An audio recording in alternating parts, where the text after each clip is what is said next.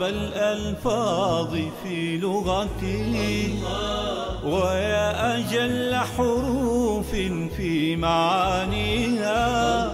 يا أمتع الأسماء كم سعدت نفسي وفاض سروري حين أرويها. أنسي وبستاني وقافيتي يا زينة الدنيا وما فيها. يرتاح قلبي حين يسمعها وحين أبصرها نقشا وأمليها.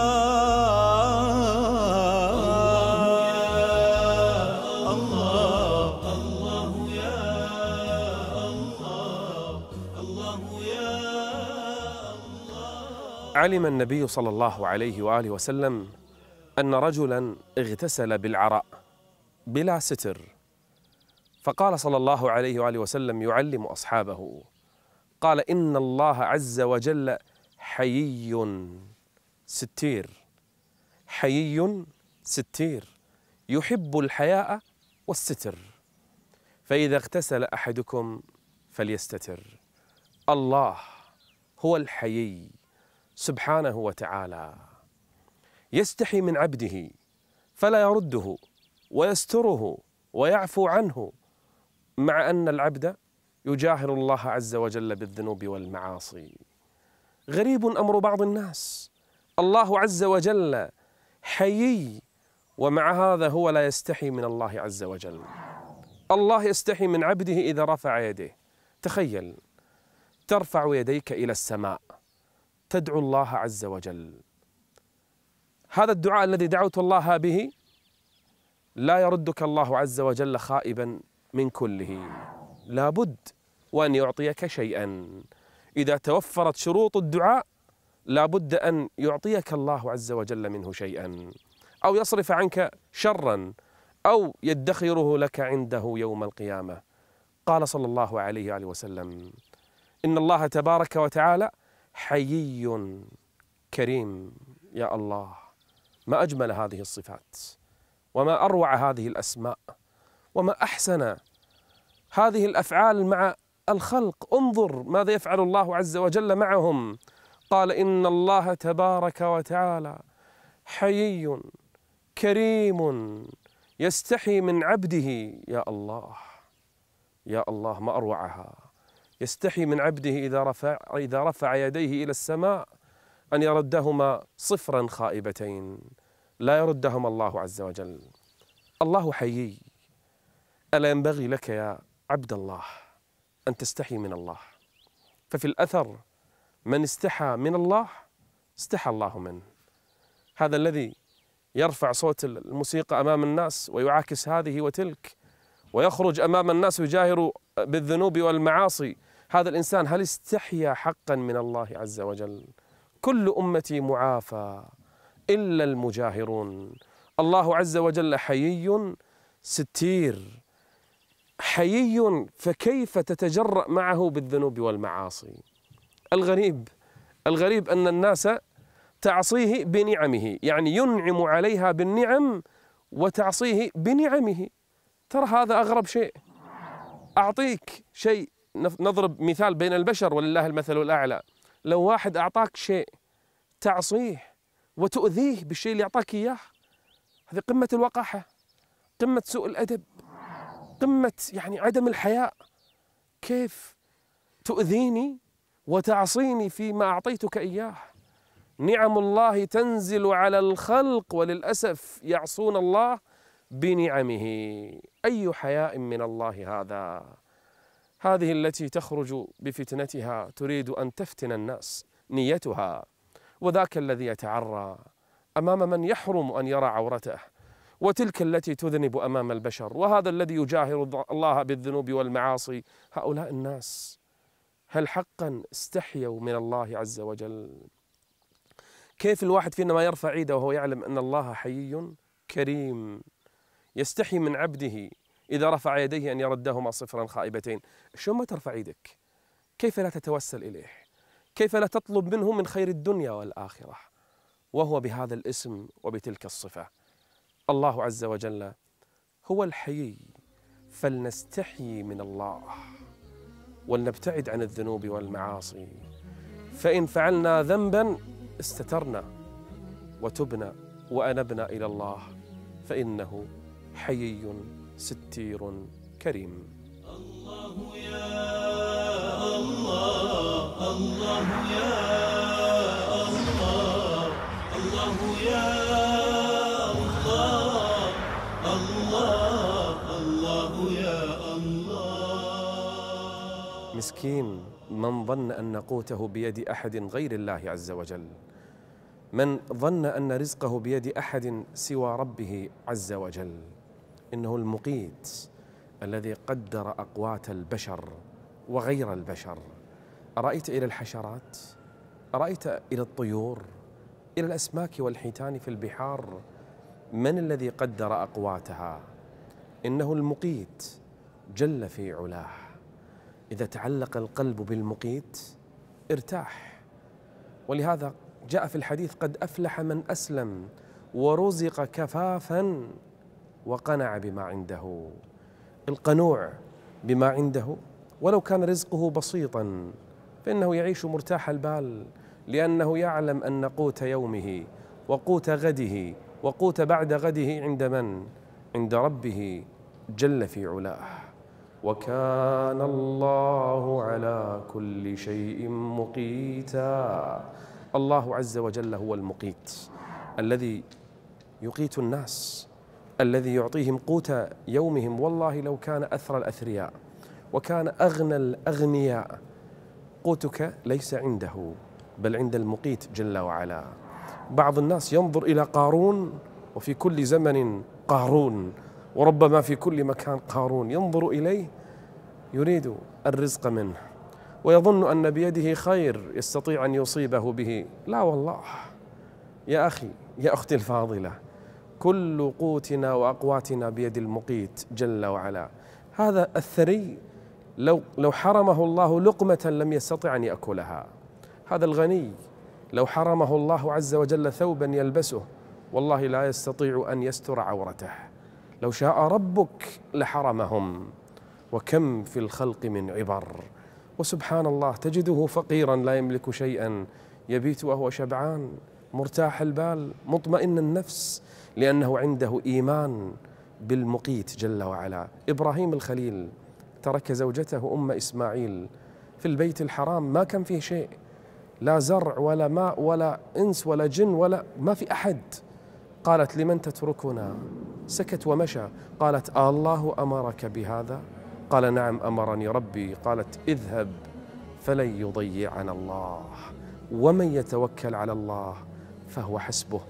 إنه المقيت جل جلاله. الله يا الله يا الله الله يا الله الله الله يا الله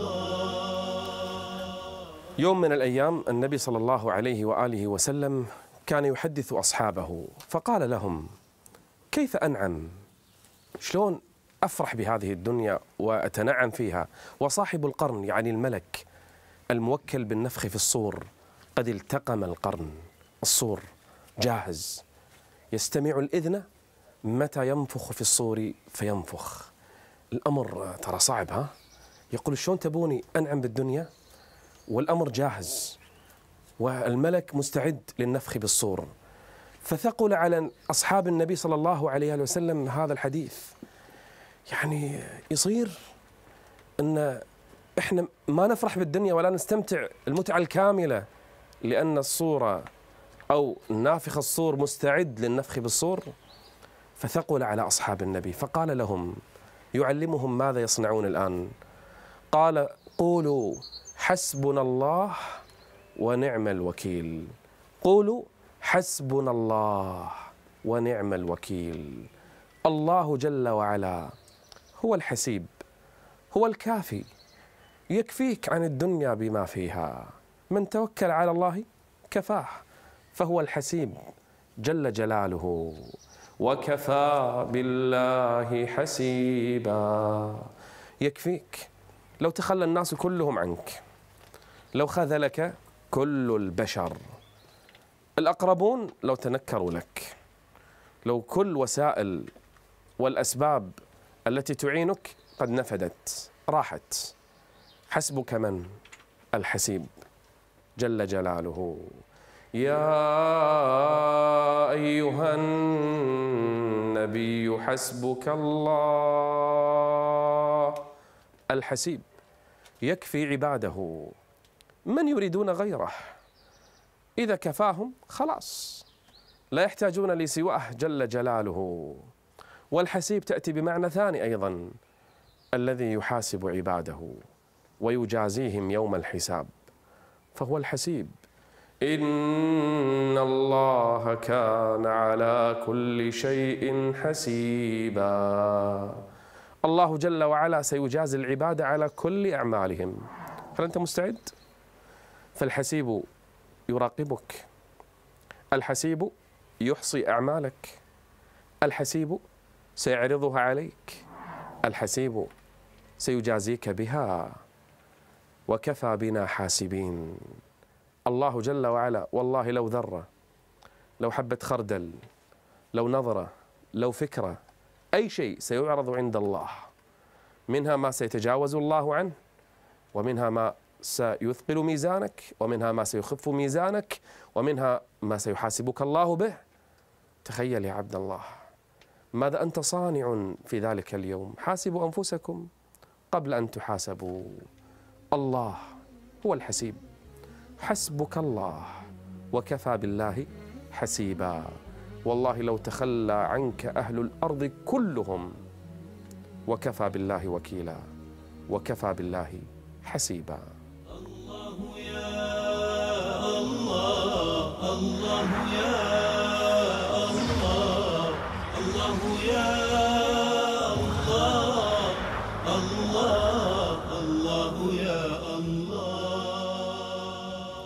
المعنى الأول من اسم الله عز وجل الحسيب الذي يكفي عباده فهو الكافي فهو الحافظ.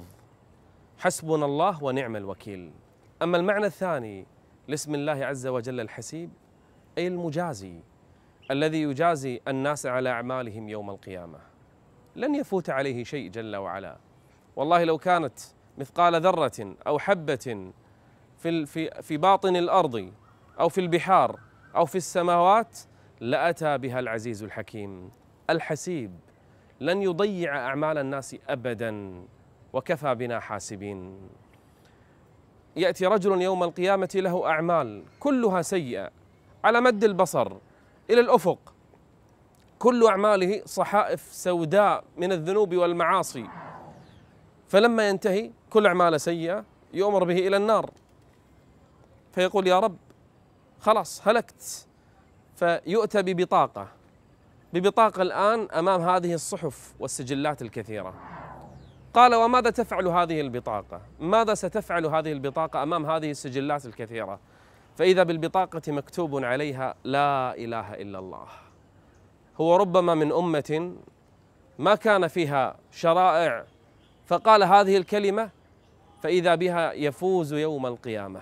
قال وماذا تصنع هذه البطاقة أمام هذه السجلات كلها؟ فتوضع في الكفة الأخرى فتطيش كل صحائفه السوداء وتثقل ميزانه بطاقة واحدة. ونضع الموازين القسط ليوم القيامة. فلا تظلم نفس شيئا وإن كان مثقال حبة من خردل أتينا بها وكفى بنا حاسبين. الحسيب لن يضيع شيئا جل وعلا. حتى على المجرمين. نعم ووضع الكتاب. فترى المجرمين مشفقين مما فيه. ويقولون يا ويلتنا ما لهذا الكتاب؟ لا يغادر صغيرة ولا كبيرة إلا أحصاها إلا أحصاها. ووجدوا ما عملوا حاضرا. لو ذرة لو أي شيء كل ما يحصل الآن في الأرض ما تسقط من ورقة ما يخرج شيء من الأرض ولا ينزل شيء من السماء إلا كتبه الله جل وعلا ويعلم به الحسيب الرقيب جل وعلا. فلما تتخيل أنك تعمل عملا سيئا أو صالحا تذكر فقط أنك تعامل الحسيب جل وعلا الذي لن يضيع شيئا من أعمالك سيحاسبك عليها. ولهذا سمى ذلك اليوم يوم الحساب وكفى بنا حاسبين إنه الحسيب جل وعلا. الله يا الله الله يا الله الله يا دائما ما أرددها. حسبي الله ونعم الوكيل. في غضبي في ضعفي وفي كل أحوالي. لكن ما أدركت معنى أن يكون الله حسبي. حتى حلقت يا الله في اسمك الحسيب.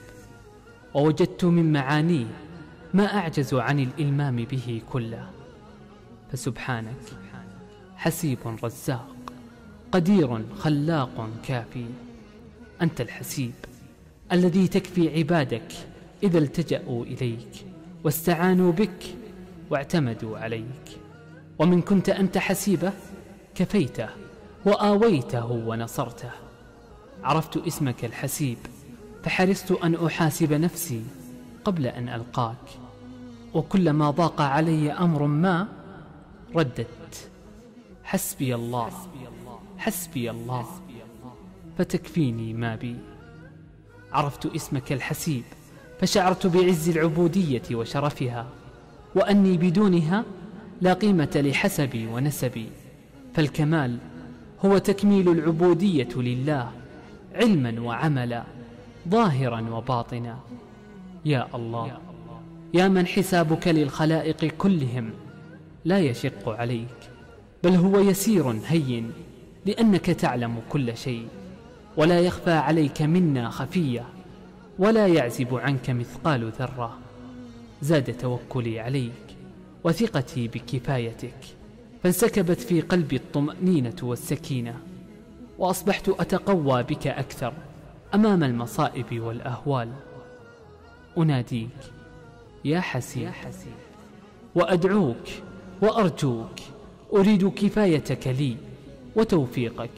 أريد أن تكون حسبي فلا كافي إلا أنت سبحانك ولا حافظ سواك. حسبي الله ونعم الوكيل. الله يا الله. الله يا الله. الله يا الله. انظر إلى الطبيعة حولك. ما أجمل خلق الله عز وجل. ما أجمل خلقه في السماوات وفي الأرض وفي البحار وفي الجبال. إذا كان هذا خلقه كيف به هو جل في علاه؟ إنه الله. يقول النبي صلى الله عليه وآله وسلم إن الله جميل يحب الجمال. إن الله جميل يحب الجمال. جميل جل جلاله في ذاته. جميل في أسمائه. فكل أسمائه حسنى. ولله الأسماء الحسنى فادعوه بها. إنه الجميل جل جلاله في كل أسمائه. جميل في صفاته. جميل في أفعاله. أفعاله بالخلق بين بر وإحسان وفضل وعدل. أفعال جميلة في الخلق. إنه الله. الله الجميل. الذي يحب الجمال. تخيل هذا الحديث. النبي صلى الله عليه وآله وسلم يحدث أصحابه عن ربه وعن المعراج. فقال له الصحابة وهل رأيته؟ هل رأيت ربك? قال نور أن أراه. الجميل جعل له حجابه النور.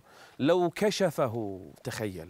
لو كشفه. لأحرقت سبحات وجهه ما انتهى إليه بصره من خلقه. يا الله إنه الجميل. كل مثل فلله عز وجل المثل الأعلى منه. ولله المثل الأعلى في السماوات والأرض. الله عز وجل الجميل الذي نشتاق لرؤيته. نعم.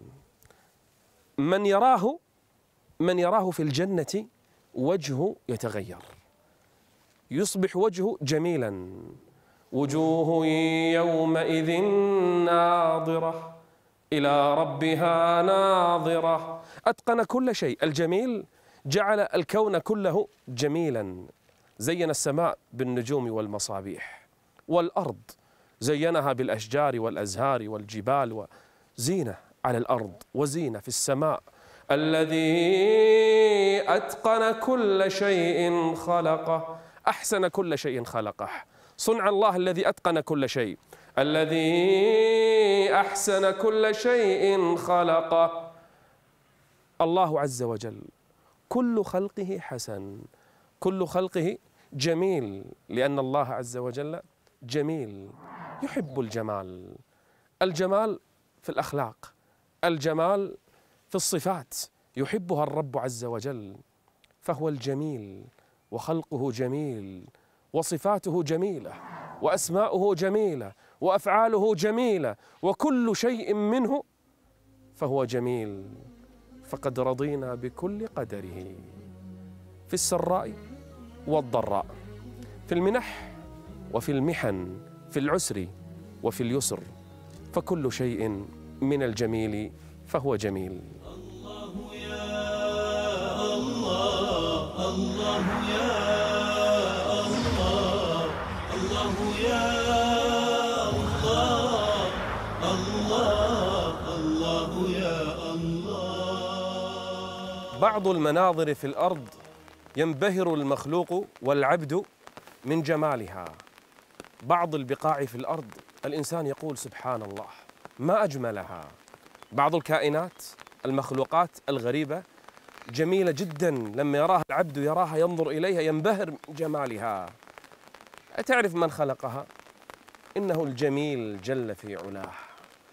جعل الدنيا ولا شيء بالنسبة للآخرة.